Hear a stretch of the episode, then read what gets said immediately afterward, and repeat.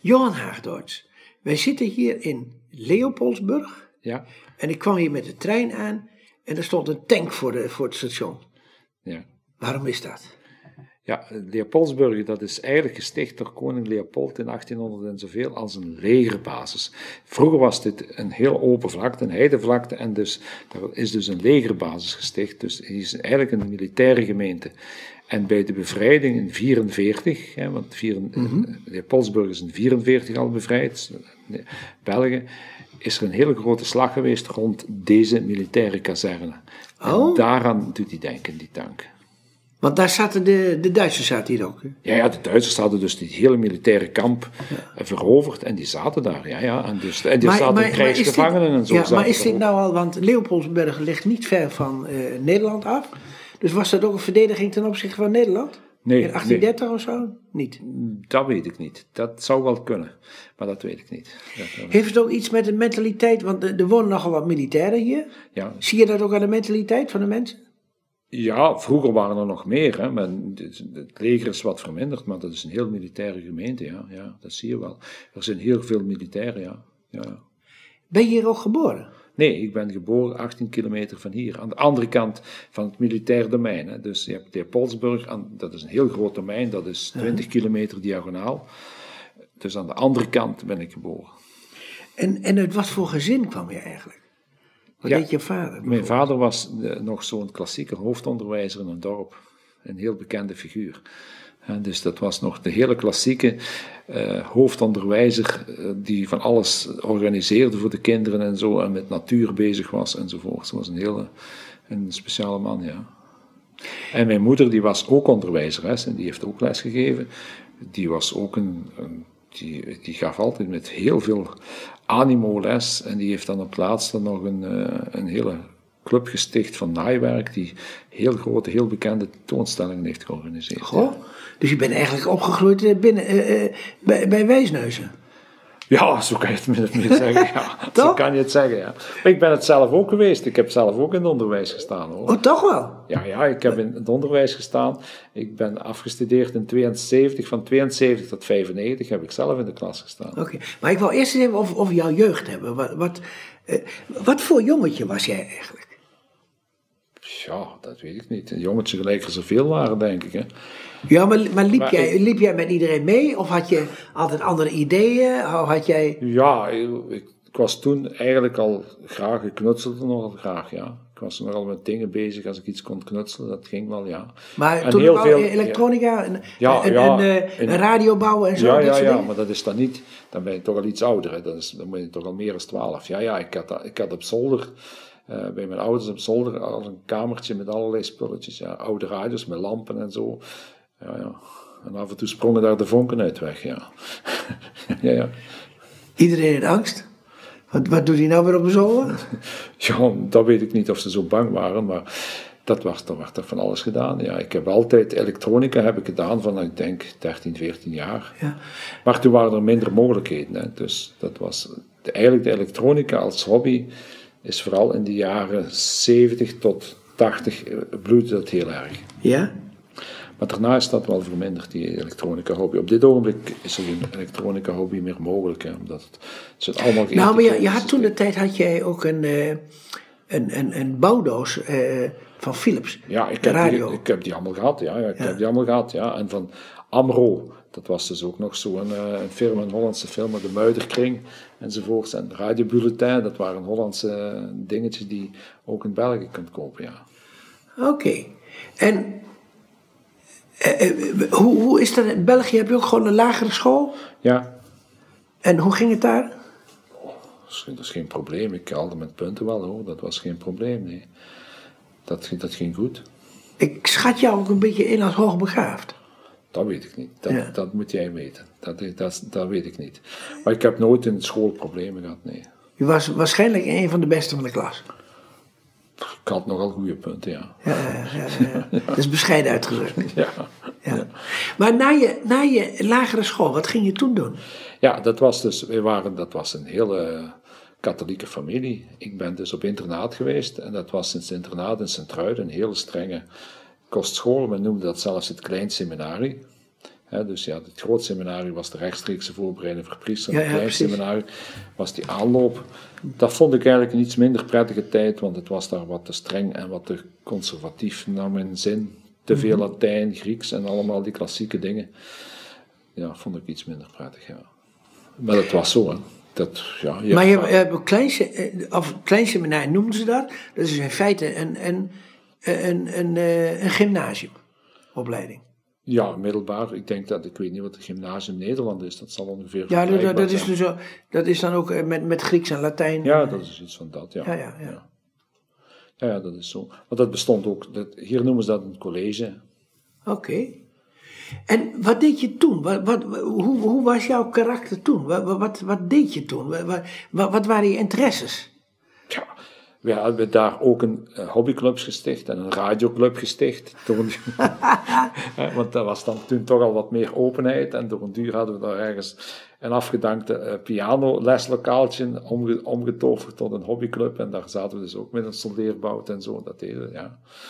En ik was dus ook eh, in de, de toneelzaal toneelmeester. En wij moesten dan de, de toneelopvoeringen in de achtergrond allemaal voorbereiden en zorgen dat alles op tijd ging. De doek omhoog, doek omneer, de verlichting aan en uit. Ja. Ik heb daar zelfs nog eh, film, er was, stond daar een oude filmmachine. En dan kon- moesten wij de film draaien. Dat ging dan met die van die heel grote spoelen in een grote zaal. En dan hopen dat het onderweg niet in het pan viel. Want dat was nogal oud, dat ding. Maar dat hebben we ook gedaan, zo en dat, ja. ja of het in de fik vliegt. Ja, of het fik vliegt, dat weet ik niet, maar dat, dat kan, ja. Maar dat hebben we gelukkig niet aan de hand gehad. Maar dat was zo'n heel warm ding, ja. Want dat was met grote lampen, hè. Ja. Maar dus eigenlijk jouw interesse in, in techniek, in elektronica enzovoort, die is er al heel vroeg. Ja, ja, die is er vroeg geweest, ja. ja. Ja. En hoe ontwikkelde het zich verder? Want, want wat ging je doen na, na de Na de, middelbare school? Na de middelbare school ben ik eigenlijk ingenieurstudies begonnen in Antwerpen. En dat was dan ook weer elektronica. Ja? Dus dat was vier jaar. En dus daar heb ik, ja, en daarna, ja, dat was ook allemaal elektronica en, en techniek en zo. En we hebben, dat was een, een wat bredere opleiding. Het was niet alleen elektronica, maar ook breed, ook mechanica en zo. We hebben ook leren bruggen berekenen en zo. Ik heb er nooit in moeten berekenen. Ik weet niet of ze dat niet zou ingevallen zijn, dat weet ik Eh, niet. eh, eh, bruggen. Bruggen, ja, bruggen, wegenbruggen, bruggen, Ja, maar dat, maar, dat, maar dat is toch meer, meer, Dat is meer- bouwtechniek of zo? Dat is meer mechanica, hè. Ja, mechanica. mechanica, maar dat, hebben we ook, dat moesten we, kregen we ook allemaal. Mechanica en bijvoorbeeld hydraulica en pompen enzovoort. Alles wat, ja. Allemaal die hele zaken. Ja. Maar je had dus interesse in, in de elektronica. En wat had jij voor toekomst voor jezelf uitgestippeld? ja, niet wat het geworden is. Want eigenlijk, Nee, daarom vraag ik toch. ja, dat is als je aan het studeren bent, ben je eigenlijk bezig met wat je dan. eh, op dat ogenblik ben je aan het studeren, dan denk je daar niets. Het is pas op het einde van de studie. En toen ben ik zelfs gaan solliciteren bij Philips en Hasselt en zo. Ik heb dus geprobeerd eh industriële loopbaan. Maar toen kreeg ik een liefje en dat was Monique. En die stond in het onderwijs. En toen denk ik, ja, als ik nu aan het onderwijs ga, dan hebben we samen verlof. En ben ik dan uiteindelijk in het onderwijs beland. Oh, je studeerde om vakantie te hebben. Ja, dat weet ik niet. Eigenlijk niet. Want ik, ik heb heel weinig vakantie gehad in mijn leven. Ook, we hadden wel twee maanden verlof, maar ik denk dat we ongeveer één week, een week en een half op verlof gingen en dan was het werken. Ik heb heel veel gewerkt. Maar, maar goed, maar in de elektronica, eh, eh, eh, eh, eh, was nou je eerste keuze om voor de klas te gaan staan? Of was het nou, had je toch andere plannen? In het begin dacht ik aan de industriële loopbaan, ja. Industriële loopbaan. Ja, En, en hoe moet ik dat, mij, dat, dat iets bij voorstellen? Ja in die tijd, dat was de tijd dat de CD ontwikkeld werd. Hè. Dus de compact disc en zo. Er Oh was ja, van ja, elektronica wel wat beweging. Hè. Was het einde zo stilaan van de bandopnemers en zo. Mhm. En dus die, die, die, en het begon, de hele zaken begonnen van de chips. Van de, eh, en toen wij studeerden was dat nog allemaal met lampen en met transistors, maar daarna waren dat geïntegreerde Toen moest je echt solderen. Ja, dat was, dat was een heel knutselerij, ja. En dan hadden ze, we hebben nog, we hadden zelfs nog geen printen, heel in het begin niet. En dan was dat allemaal met de eh, lampvoetjes aan elkaar solderen, met draadjes en zo. Maar dat is dan heel snel veranderd daarna, ja. Had jij toen al problemen met je ogen? Nee, want anders, ik heb gewoon gestudeerd. Maar ik was eventjes aan het werken, ik was in het onderwijs een jaar of drie, vier, denk ik. En toen begon dat. Maar is, heb je een erfelijke ziekte? Ik denk het wel, ja. Ik wil of best? Of, eh? Nee, dus ja, maculadegeneratie. De Stargardt, dat is daar ook een vorm van. Stargardt, ja. Maar eigenlijk, dus we waren met zes kinderen thuis. En ik samen met mijn zus, die hebben een probleem. De andere vier hebben geen probleem. Oké, het is toch wel in de familie. Ja, ja. Gaan we direct even op door.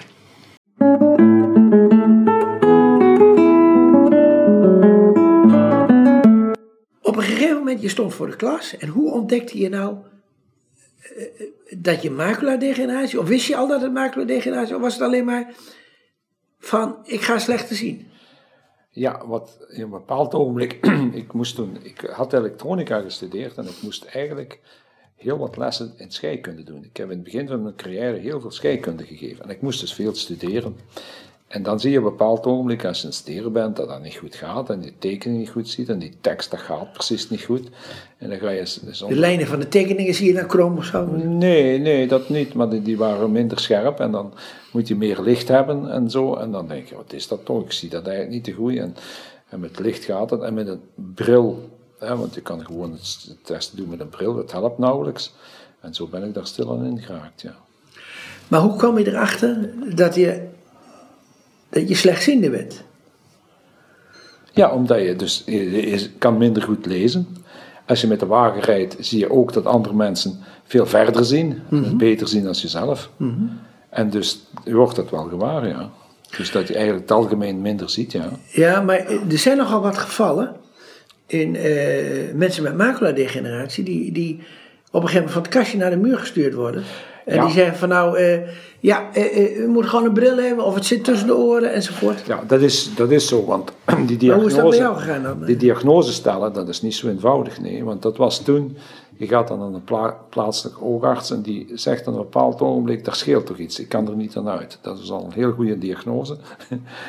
dus die zegt, nou, het is al verstandig dat die oogarts uh, erkende dat hij iets niet wist. Ja, en dus toen ben ik naar de universitaire kliniek geweest in Gent. Mhm. En daar ben ik dan verschillende onderzoeken gedaan. En, en op een bepaald ogenblik zeggen ze, ja, we zien dat de macula uh, niet meer functioneert als zodanig. Mm En na een tijdje zeggen ze, ja, het is ofwel Stargardt of keeltjesdystrofie, of noemen ze dat. Mhm. En dus daar hebben ze die diagnose gedaan. En toen wist ik ook dat ik het voor de rest van mijn leven had, want dat wisten ze toen wel. En wisten ze, kijk, dat wordt nooit beter, dat wordt alleen nog wat slechter. Je gaat niet blind worden. En dat was toch wel een uh, hele zaak om mee om te gaan. Ik was toen maar nauwelijks een stuk in de twintig. En waren pas getrouwd. En met de, het was, denk ik, Koen er toen was in het begin, was wel een probleem. Ja. Want dus Koen is je eerste zoon? Ja, is de eerste zoon. zoon ja. En dan moet je wel zien wat je doet. En toen heb ik eigenlijk voor mezelf gedacht, kijk, wat wil ik nu doen? Uh, zeg, eigenlijk, op een bepaald ogenblik kwamen dan de beeldschermen lopen, die oude Philipsen, die, die houten bakken tevoorschijn. Ik denk, dat wil ik ook nog ooit maken. En een tweede ding, en ik was ook wel wat op avontuur. Gaan we nou niet te snel? Want, want jij... Nee, nee, ik, denk, nee ik, denk, ik zal even... Kijk, en een tweede ding was, ik wil eigenlijk ook nog op Afrika-avontuur gaan. Ik wil met in, de, in de woestijn gaan rijden met een jeep. Ik wil die tijgers nog zien. Ja, en dus dat was toen mijn droom. En, hmm. dus, en dan zijn we dan daarna, ben ik daar aan begonnen, ja. Maar ben je naar Afrika geweest? Jazeker. Ik heb dat ook gedaan. Ook. Ik heb samen met, met uh, ik heb eigenlijk heel veel interesse gehad, ook voor een 4x4 heb ik nog steeds. Die Wat is 4x4? Ja, een, een Jeep. Een, oh, een terreinwagen. Ja. En dus we hebben heel veel, ik kan dan nog wel niet rijden, maar ik heb nog steeds een 4x4. Ik kan er niet meer rijden, maar het is de zoon die er mee rijdt met de kinderen en ik zit erbij, ik zit ernaast. En ik zeg, nog te genieten. Ja, want we zijn, we zijn echt in Afrika. We zijn gaan rijden in verschillende keren. Ben je daarom hier in Leopolds gaan, uh, gaan wonen? Omdat hier zoveel militairen zitten. Ja, hier heb je wel wat mogelijkheden, ja. maar ja, we zijn gaan, gaan rijden in, uh, in Marokko verschillende keren. Eén keer in Namibië. Zelfs met... Uh, dus echt helemaal in de nowhere. Met een 4x4, met twee mazoetanken, met 100 liter water bij met een proviant voor veel dagen, met satelliettelefoon in de hele winkel. Dus dat heb ik ook gedaan. Ja. En dat wilde ik toen al. Dat was dus heel in het begin. Heb ik gezegd, mm. dat wil ik doen. En ik ben in Afrika geweest. Dat is ongeveer nu acht jaar geleden. Hebben we die grote, die grote trip gemaakt, ja. Zo, keurig. Maar het is frappant. Eh, de meeste eh, mensen met juveniele eh maculadegeneratie, die, die hebben het wel op jonge leeftijd, maar ze kunnen over het algemeen nog redelijk goed zien, totdat ze wat ouder worden. Maar jij hebt het al heel vroeg gekregen. Ja, ja, want ik- ben gestopt met de wagen te rijden toen, eh, in 78. Toen al. Ja, zo, toen ben ik gestopt met de wagen rijden en dat is gebeurd op een bepaald ogenblik. Toen was je nog maar net 30 of zo. Ja, was ik nog geen 30. Ja. Was nog geen 30. Ja, want ik ben van 49, ik kan Ja. een beetje uittellen. Nee, nee, dat is al heel, heel in het begin. Ik ben gestopt met autorijden omdat ik heb op een bepaald ogenblik een fietser aangereden. En daar begint het aan mee, hè? En, en ik wist dat ik het niet gezien had. Hm. Ik was me daar heel erg van bewust. Gelukkig had die man was niet gekwetst en het fiets was wel geplooid, maar dat is maar ijzer, dat kun je nieuw kopen. dat is niet zo erg. En de verzekering betaalt dat. Maar eh, toen heb ik... gest- Dat was je eerste les. Ja, dat was mijn... eh, dat, dat is niet zo leuk, nee. Nee. Dat is niet zo leuk. Nu, je weet wel dat je... Maar, maar dat betekent dat je gewoon, want je had een baan als, als, eh, als leerkracht. Ja, ja. Eh, dus op het bord, ja, je kunt alles wel wat groter schrijven, maar Nee, dat hoeft niet. Eigenlijk hoeft dat niet. Een bord is sowieso groter. ja, Maar je moet zorgen in een klas, ik heb dat geleerd, hè, en dat is wel het voordeel als die degeneratie niet te plots is dan, en je bent wat, denkt wat na hoe je moet reageren, dan lukt dat wel. Ik kon eigenlijk, als ik een bord schreef, ik wist al wat ik schreef. En als ik maar je kon zorgde, zelf niet lezen. ja, wel, ja dat, dat ging groot genoeg, maar je wist, en je moet dan aan het bord blijven, daar niet van weglopen. Ja, ja, want als je achter in de klas gaat staan, dan kan je dat niet doen, nee. Dus als je bord schrijft, moet je bij het bord blijven. En dat ging toch wel vrij goed, ja. Maar dat is heel vervelend. Dan hebben die leerlingen niet eens in de haren. Ik heb het nooit aan de leerlingen gezegd, de collega's wel, maar ook niet uitgebreid. Maar dat is Die snapten het toch niet. Nee, en dat is ook een probleem. Ik vond het altijd, heel in het begin was dat een probleem. Bijvoorbeeld als de leerlingen, die daar als leerkracht, allee, er waren veel meisjes, allee, jij daar, eh, kom eens aan bord of vertel het eens. Maar je wijst naar iemand en je kijkt naar iemand anders. Dat geeft heel wat verwarring in met de leerlingen en dus moet je dan leren van dat niet te doen. Ja. Dan ga je in de klas en zegt, ik ga een leerling aan het bord roepen, dan ga je daar naartoe, tussen de banken door, tot het er vlak voor staat en dan is er geen twijfel wie dat, wie dat is. En bijvoorbeeld, wat ook een heel moeilijke zaak is, vond ik zo bijvoorbeeld ouderdagen. En dan komen papa en mama komen vragen hoe dochter of zoon lief het maakt in de klas. Maar Ja. dat is een reusachtig probleem hoor, want ik kan op dat ogenblik geen puntenlijst, want ik moest dat met een beeldscherm te loop doen. Ik ken, soms kende ik de leerlingen niet, want die vroegen dan een bepaalde... Maar, maar wacht even, je, je had al een beeldschermloop toen. ja, ja, ja, ik heb een beeldschermloop van Dan was je een van de eerste. ja, ja, ja, dat was toen. Dat, ja, ik heb toen een eentje gehad van Philips, de, de, de Philips. Ja, Philips is er als eerste mee begonnen Ja. in 73 geloof ik. Ja, zo. zoiets. En ik, heb er, ik denk dat ik al een beeldschermloop had, ja, in de jaren 77 denk ik dat ik mijn eerste beeldschermloop had, zo'n wit-zwarte. Oké, ja. Ja, ja. Maar dus op zo'n ouderdagen, ik, vind dat nog altijd, ik zit er nog altijd aan te denken, dat komen zo, de mama komt, en hoe doet ons Anja het? Hm. En dan denk ik, ja, wie is Wie is- Anja? Oh, die ziet er zo en zo uit. hè. Wie is Anja? Ja. En dan, en als ik het wist, en heeft hij veel punten? Dat is ook nog de vraag, want ik kon niet in mijn boekje kijken. Hè? Ja. En dus, ja, hoe doet ons Anja dat? Wat moet je dan zeggen? Dan moet je dus rond de pot draaien, en dat gaat vrij goed. Ja, ja, ja. En wat vindt Anja zelf van? Dan krijg je wat inlichtingen. Hè? En dan, je kan altijd, ze kan toch eigenlijk nog een beetje beter haar best doen. Dat is ook altijd waar. en dus je mag niet concreet worden, want anders loop je, heb je problemen. Hè? Dus, en dat lukte me vrij goed. Maar ja, dat kun je niet volhouden. Nee.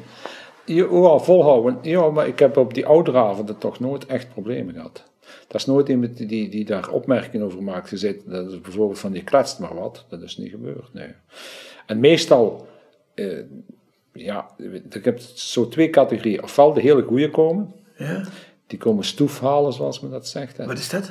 Ja, die, die willen graag eh, geprezen worden, Ja, ja, ja, ja, en, die, en die ken je dan meestal. En de belhamels. Maar die ken je ook. Ja. Eh, De uitzonderingen die ken je. De uitzondering ken je. Maar zo ging dat. En En, eigenlijk... en, en het middengedeelte, nou dat gaat wel. Hè? Dat is grij- maar dat ging, want ik ben gestopt in het onderwijs in 95 en ik ben gestopt omdat ik op een bepaald ogenblik, toen was ik al bezig met beeldschermen. Maar dan heb jij nog 15 jaar, Nog langer. hè. nog lang, 25 jaar. Ja, ik, heb, ik had 27 jaar dienst en ik denk dat ik al slechtziende, dat ik zelf eh, in de klas niet meer kon lezen. Hè? Dus gewoon Ja. een boek niet meer kon lezen in de klas. Ik denk dat ik dat rond de 4, 25 jaar volgehouden heb. En dat is soms raar hoor, want dan komt de leerling eh, zeggen, meneer, ik versta dit hier niet. En dan wijzen ze in een boek of in een Ja, schrift. ja, ja, ja. En dan, Wat deed je dan? ah, dat is, het gaat allemaal. Ah, versta je dat niet? Nee meneer, ik versta dat eigenlijk niet. En hoe ver ben je geraakt? Vertel eens hoe ver dat je geraakt bent. en dan moest de leerling uitleggen, een vraagstuk of, of zoiets. Ja? En dan weet je, ik ken die leerstof, ik ken alles van buiten natuurlijk, want dat gaat niet anders. Dus dan begint hij uit te leggen over wat het gaat. En ik ben daar geraakt, maar nu versta ik het niet meer. Ik zal het dus helemaal uitleggen. dan heb je, Je hebt het dus goed verdoezeld. ja, dus die legt het helemaal uit en dan werd het hele vraagstuk vanaf het begin uitgelegd en dan zat er oplossingen er wel ergens tussen.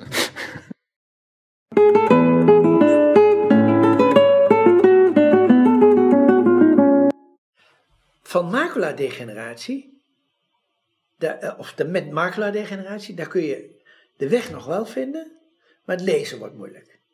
Maar je had in feite op school, had je al een voorleesloop aan van la lettre. Maar je leerde de, de leerlingen voorlezen. Ja, ja, in zekere zin wel, maar eigenlijk, eh, ja, de leerlingen moesten het vraagstuk voorlezen, ja, uit het handboek. Ja, zo is dat, ja. Als je dus zegt, we doen het volgende vraagstuk, hè, Rita, lees eens het volgende vraagstuk, zo ging dat, ja. En die kinderen hadden helemaal niet in de gaten hoe ze gemanipuleerd werden. Denk het niet, ik weet het niet, ik heb het nooit, ze hebben het nooit gezegd, nee. Prachtig, prachtig. Nee, nee, dat is... Maar eh, je bent op een gegeven moment gestopt met het onderwijs. Waarom? Ja, kijk, ik heb altijd bezig geweest met techniek en op een bepaald ogenblik, ik, in de jaren 70 dacht ik al, ik wil ooit beeldschermloepen maken. En ik heb daar verschillende pistes in gevolgd om dat te kunnen realiseren. En ik heb dat ooit gedaan met iemand die op de VRT werkte, op de BRT, en dat is dan ook niet altijd gelukt. Eh, VRT is de oh, Ja. eh, Vlaamse omroep, hè? Ja. En dan hebben we dat eh, nog eens geprobeerd samen met een hogeschool. En dat is min of meer gelukt.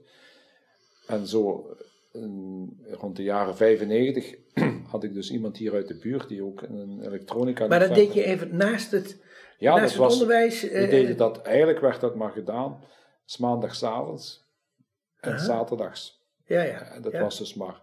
In het eerste jaar verkochten we ongeveer 15 tot 20 loepen per jaar. Aha. Hè? En dat, ja. En dat deden we dan voor en na. En dan hebben we dat samen nog gedaan. Daarna nog eens een project gedaan met een hogeschool. Maar toen, eh, eh, eh, toen woonde je al in het huis waar we nu in zitten? Ja, ja, Ja. ja. ja. Dus dit huis, het huis waar we nu in zitten, waar Cobra Vision gevestigd is, dat heb ik nog een groot stuk zelf gebouwd. In die tijd kon ik de streepjes op de maatstreepjes op de, voor de koortjes Je was nog slaan metselaar? opzetten. Ja, ik heb er nog veel aan gemetseld, ja. Dus van dit huis weet ik heel veel hoe dat het precies in elkaar zit, ja. Hè, Maar nu is dat... eh, Je weet alle mankementen. Ja. Die weet ik inderdaad, ja. En dingen die ik niet zo opnieuw moet doen, ja, die weet ik, ja. Ja. Dat is zo. Trouwens, het huis, eh, ik vind het een heel mooi huis trouwens, maar het, het doet mij een beetje denken aan een Duitse stijl. Ja, ik weet niet welke stijl dit is, hoor. Dat is, ja, dat weet ik, dat durf ik niet zeggen. Dat, ik denk dat dat toch een, een eigen stijl is geweest. Ja, maar goed, maar je was, je was dus gewoon, gewoon leraar, je vrouw was ook lerares. En, eh, eh, eh, en je wilde dus beeldschermlopen maken. Ja. Was dat een beetje uit onvrede van hoe die van Philips eruit zagen? Ja, in zekere zin wel. Ja, zekere zin wel, ja. Maar Philips is ook gestopt, hè. Die, Ja. En toen waren het anderen en ik denk, ja, kijk, dat moet toch gaan, want die dingen zijn vrij duur. Ik moet dat toch ook zien klaar te kunnen. Of ik vond dat een uitdaging, om zoiets klaar te krijgen, ja. Wat voor ideeën had je toen al? Wel- Welke richting wilde je op? Ja, heel in het begin zijn we eigenlijk begonnen met iets wat ik achteraf verlaten heb, was de insteek. je moet iets maken met een zo laag mogelijke prijs. Uh-huh. Maar dat werkt niet. Dat is een, eigenlijk een fout idee. Toch zeker in de, hier in deze landen waar toch wel wat geld is, je moet eigenlijk meer op de kwaliteit gaan kijken. Eigenlijk is de kwaliteit belangrijker dan wat ze kost. Iets dat slecht is of dat niet goed werkt, dat is, dat is geen goed idee. Dat, dat werkt niet. Eh, je ziet ook dat heel wat mensen, het belangrijker is dat als je mensen met, met makelaardegeneratie overtuigt van kijk, dit is goed en dat heeft een prijs, dan lukt dat. Want eenmaal de mensen overtuigd zijn, willen ze er ook iets voor geven. En als je iets heel goedkoop maakt, dan ziet het er niet uit enzovoorts. En is dat allemaal, maar ja, zijn die beeldkwaliteiten te laag, dat mogen we niet doen, dat doen we niet meer. In het begin hebben we dat wel geprobeerd, maar dat heb ik snel verlaten. En dus nu op dit ogenblik is eigenlijk bij Copa Vision willen we eigenlijk een heel hoge kwaliteitsstandaard. We willen eigenlijk, als we kunnen, het beste zijn wat er bestaat. Dat is eigenlijk onze doelstelling. Oké. Omdat er veel mainstream fabrikanten zijn. Ja. Eh, Waarvan zij zeggen dat het namelijk door de verzekeringen komt. Ja, maar dat is dan typisch Nederlandse. Dat is de Nederlandse, de Nederlandse situatie, dat is eigenlijk voor de slechtziende, ik denk bijna, dat is zeker niet het beste land van Europa. Absoluut niet. Misschien wel een van de slechtste. Omwille van die hele privéverzekeringen. Dat is eigenlijk niet goed. Dat is, nee. Dan zie je ook dat bijvoorbeeld de gemiddelde kwaliteit van het materiaal voor de slechtziende in België ligt veel hoger dan de gemiddelde kwaliteit in Nederland. Gewoon omdat er een ander eh terugbetalingssysteem Vanuit, vanuit andere uitgangspunten. Ja, ja. ja. Ja. is- Dus, je, dus je bent eigenlijk ook wel voor een eh, nationale zorgverzekering, zoals de, ja, in Nederland. die- die- die- die marktwerking, dat werkt niet. Die, die, die, die hele, dat hele, ik ben eigenlijk gefrustreerd in de zekere zin, want we hebben dan in Nederland ook eh, een vertegenwoordiger. En dat werkt niet, omwille gewoon dat die structuren fout zijn. Dus dat is eigenlijk een hele foute structuur. De overheid die geeft veel geld aan Visio, Bartomeu en dat allemaal, maar eigenlijk is dat helemaal niet efficiënt. En, dus daar, en je ziet dat ook in andere landen. Duitsland is ook niet zo bijzonder, want daar heb je dan die krankenverzekering.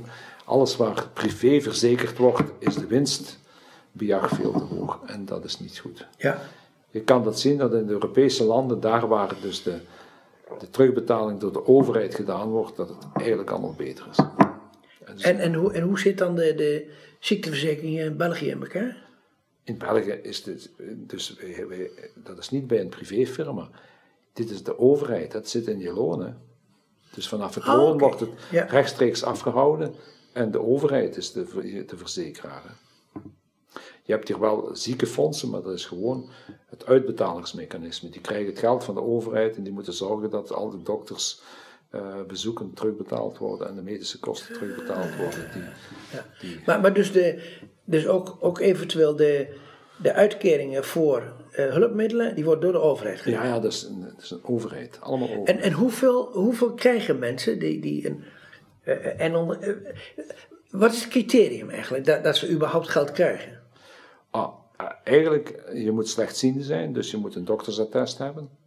En slechtziende is drie tiende en minder, soms ook iets erboven, maar rond die cijfers. En dan, dat is eigenlijk voldoende. En dan vraag je dat aan, dat is dan een aanvraagformulier dat moet ingevuld worden, dat doet dan het ziekenfonds voor u. Maar de ziekenfonds, is, dat is geen, dat is gewoon een dienstverlenende sector, die heeft dus geen eigen geld. Ah, oké, ja. dus, en die vult dat in en stuurt het op en daarmee houdt het op. Dat is het dan. En die terugbetalingstarieven zijn goed. Dus die, voor een beeldschermloop zit dat tussen de 3000 en de 5000 euro. Er zijn verschillende twee categorieën in. Dat is eigenlijk. En, en, en hoe vaak mag je dat aanschaffen? Eh, de vernieuwingstermijn wordt eh, aangewezen op zeven jaar. En die zijn dus in eigendom. hè. Dus die zijn volledig in eigendom. Je, je- Eh, van de klant. Ja, ja. Want de klant is de eigendom, die krijgt eigenlijk... Je hebt alleen een derde betaler. Ja, ja, ja. Oké. Dus het is iemand anders die het betaalt, maar het is hun eigendom. Dus ze komen ook niet terug in, in circulatie. Na zeven jaar eh, worden die soms... Want er zijn een bepaalde categorie die niks krijgen. De 65-plussers krijgen niets. Het is onder de 65 dat dit bestaat. Of mensen die al slechtziend waren, voor een 65. Maar in België, kunt je, in Vlaanderen, kun je eigenlijk niet erkende slechtziende worden na je 65. Hé, waarom dat dan niet? Dat is zo. Dat is een wetgeving. Dus al de bejaarden, dus de 65-plussers die niet slechtziend waren voor een 65, die moeten het privé betalen. Maar dat zijn dus een heleboel. Dat zijn er wel wat, ja. ja. Dat is wel een minpuntje. Dat is absoluut een minpunt, ja. Men wil dus nu ook het leeftijdsonafhankelijk hulpmiddelenbeleid organiseren, omdat men zegt dat is geen gelijkheid van kansen, dat moet dus eigenlijk veranderen. Men wil dat doen, maar dat is een heel moeilijke zaak. En dan denkt men bijvoorbeeld aan. Ja, het is moeilijk omdat het geld kost. Ja, maar het is ook. eh, ze hebben dan eens geprobeerd om een circuit op te starten met hergebruik. Maar dat hebben ze niet kunnen realiseren, want hergebruik, dan moet je toestellen ophalen. En je hebt toestellen van allerlei merken. En, en je moet een, een, Vaak nog kostbaar. ja, dat is, nog, dat is ook heel kostbaar om dat te doen. En daar krijg je ook heel veel onvrede bij, want de kwaliteit is niet gelijk. En de ene is goed en de andere is oud, de andere is niet oud en zo. Dat, maar hoe ze het gaan doen, ik weet het niet. Men is daarmee bezig. Maar je ging op een gegeven moment eh eh beeldschermlopen bouwen. Ja. En hoe zag dat beeldscherm eruit? Ja, vroeger eigenlijk als je dus kijkt naar een beeldschermloop, moet je eigenlijk proberen van niet het warm water uit te vinden. Dat is nooit goed. Je moet eigenlijk zorgen dat je eigenlijk alleen dat ontwerpt wat heel specifiek is. Dus wat eigenlijk een beeldschermloop specifiek maakt. Dus, ik bedoel daarmee, een videocamera, die moet je niet willen zelf bouwen. Een beeldscherm moet je niet willen zelf bouwen. Een lens moet je niet willen zelf bouwen. Maar het is de elektronica die ervoor zorgt dat de beeldkwaliteit eigenlijk eh, verbeterd wordt. Hè. Je moet zorgen dat je heel goed wit-zwart hebt, zonder allerlei grijze puntjes daarin. Dat moet goed zijn. En dat is het specifieke. Dus je moet eigenlijk specifiek weten wat je wilt, je componenten goed kiezen en dan een stuk elektronica Het is, ertussen. het is componenten kiezen en een goede, goede Elektronica. elektronica maken. Eh, elektronica maken, ja. En dan een carrosserie, maar dat, dat volgt daaruit natuurlijk. Hè, want dat is ook een, niet altijd even evident. Hè. De, de, de, de mechanische opstelling, en je moet de camera ergens aan vastmaken, je moet een verlichting hebben, maar dat kan je in principe allemaal kopen, toch grotendeels.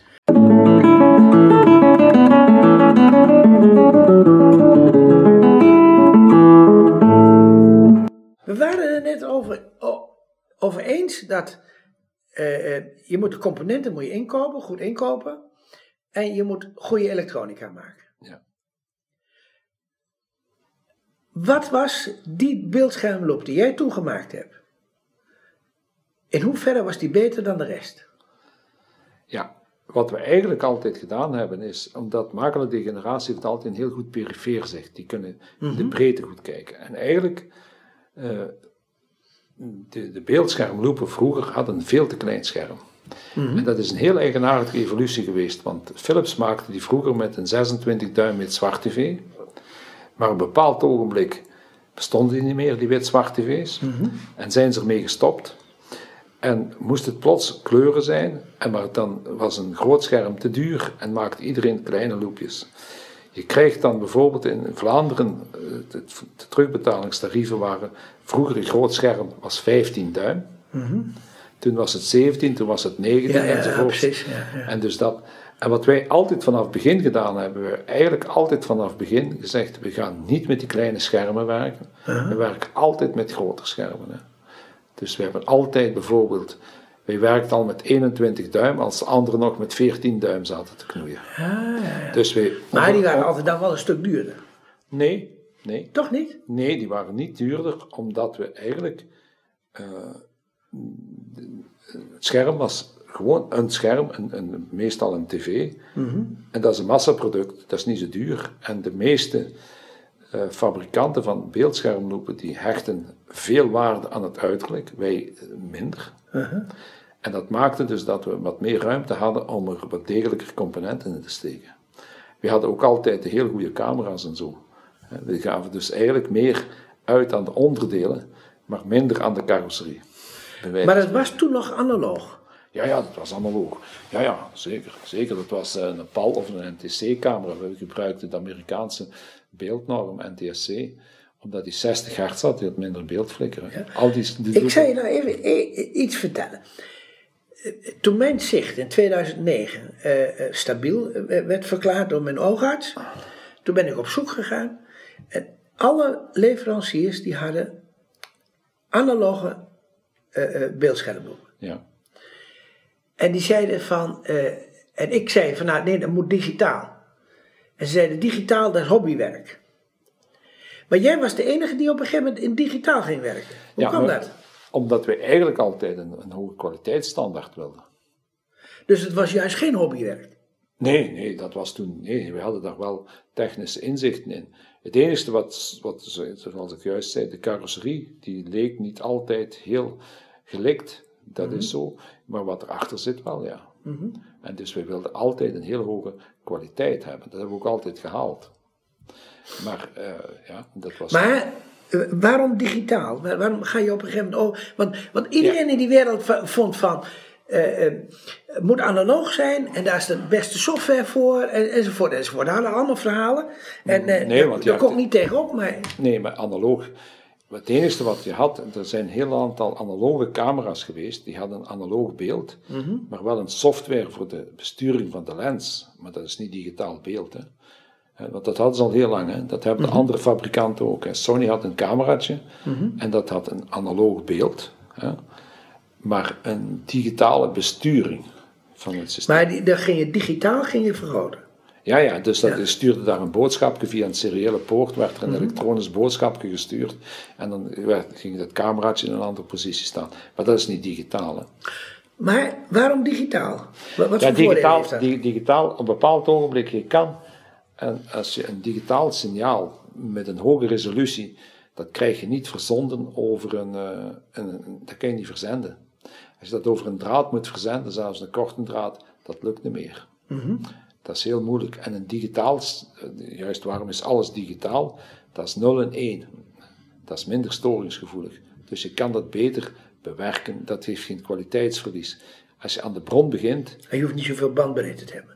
Nee, maar je heeft niet bandbreedte, maar je hebt ook geen kwaliteitsverlies. Ja. Met, met analoog, hoe meer je het manipuleert, iedere keer gaat er een stukje van de kwaliteit weg. Ja, ja. En bij digitaal, eenmaal vanaf de camera tot de hele beeldbewerking, is er geen kwaliteitsverlies. En dat heb je bij een analoge camera natuurlijk wel. Hè. Dus die beelden, want die moest Dat was de eerste reden. En, en de tweede reden is ook natuurlijk, je, die camera's, die, eh, die beeld, de, de beeldcorrectie de fabrikanten toepassen, die is zeer complex. De, de, de, de maar, verlichting, de daar- maar, verlichting, daar schept ook iedereen toen over op. ja, maar dat is niet juist. Hè. Dat is niet zo. Hè. Dus dat wacht. Je, eigenlijk, om een camera goed te besturen, om te zorgen dat de iris op de juiste manier open en dicht gaat, om die, die sluitersnelheden allemaal te beheren en zo, dan moet je allemaal elektronisch doen. En je, daar wordt ook elektronische filtering op gedaan. En dat kan je analoog niet, niet klaar krijgen. hè. En ook als je eenmaal naar de hogere resoluties gaat, ja, dan is het helemaal mis. Hè.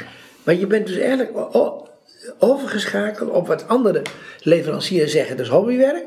Maar jij ging over naar digitaal, omdat je gewoon verwachtte dat je met digitaal hogere kwaliteit kunt bereiken. Ja, maar dat was toen, eigenlijk in die tijd was het duidelijk dat de toekomst niet in de analoge camera's zat. Iemand die daar wat nauwkeuriger naar keek, maar je krijgt dan die digitale camera's, die waren veel duurder. Hè? Dat ook de prijs. hè. De analoge camera, dat had iedereen hè? voor een lage prijs. Hè? Maar niet in de digitale waren dus eh, toen veel duurder. Nu is dat ook al niet meer hoor. De analoge camera's bestaan nog nauwelijks. Hè? Dat is zo snel gegaan, hè? ja, dat is vrij snel gegaan. Dat is zo, ja. Maar dat, dat, dat, dat stond toen wel in de sterren geschreven dat dat, dat, dat ging gebeuren. Hoor. Dat is zo. En wat is nou verder de ontwikkeling geweest? Want de laatste jaren, eh, ik moet eerst nog even weten van, jij bent op een gegeven moment dus eh, eh, beeldschermen gaan maken. En hoe liep dat op een gegeven moment? Kon je daar op een gegeven moment van leven? En Dat heeft wel wat geduurd voordat je daar eigenlijk een voldoende inkomen op had. Ja. Dat, moest je wel, dat duurde wel eventjes. Ja. Eh, een bepaald ogenblik, ja. Maar eigenlijk was dat voor mij niet, niet zo belangrijk. Ik vond dat niet zoiets belangrijk. Want ik ben gestopt in het onderwijs en toen ben ik ook eigenlijk op vervroegd pensioen gegaan. Dus ik heb altijd een inkomen gehad vanuit de onderwijsfunctie. Hè? En dus hoeveel dat we daar nu mee verdienden. En ik heb eens ooit, dat was heel typisch, op een bepaald ogenblik was er nu echt iemand die van cijfers veel wist. En die kwam eens uitrekenen en die zegt, eigenlijk verdient je te weinig, zegt hij. Ik zeg, oh, dat wist ik niet. Want eigenlijk, ja, het geld in het begin werd ook allemaal terug geïnvesteerd en zo. Dat was, Ja, precies, dat was ook allemaal niet zo belangrijk. Ja. Of we daar nu echt mee verdienden of niet, ja, Ja. ja, ja. Nee. Op dit ogenblik eh, eh, hebben we wel personeel en dat moet het natuurlijk wel opbrengen. Hè. Ja, dan moet, Dus moet geld binnenkomen. Maar wanneer ging het echt lopen en wanneer, wanneer ging de kwaliteit echt omhoog? Die kwaliteit ging omhoog. Kijk, ik was dus wel ingenieur en slechtziende. Maar je hebt op een bepaald ogenblik, je ziet minder goed en je kan dus ook minder goed ontwikkelen. Hè? Met de soldeerbout en zo, dat gaat allemaal niet goed. Maar op een bepaald ogenblik is Bart, dat is de zoon, is erbij gekomen.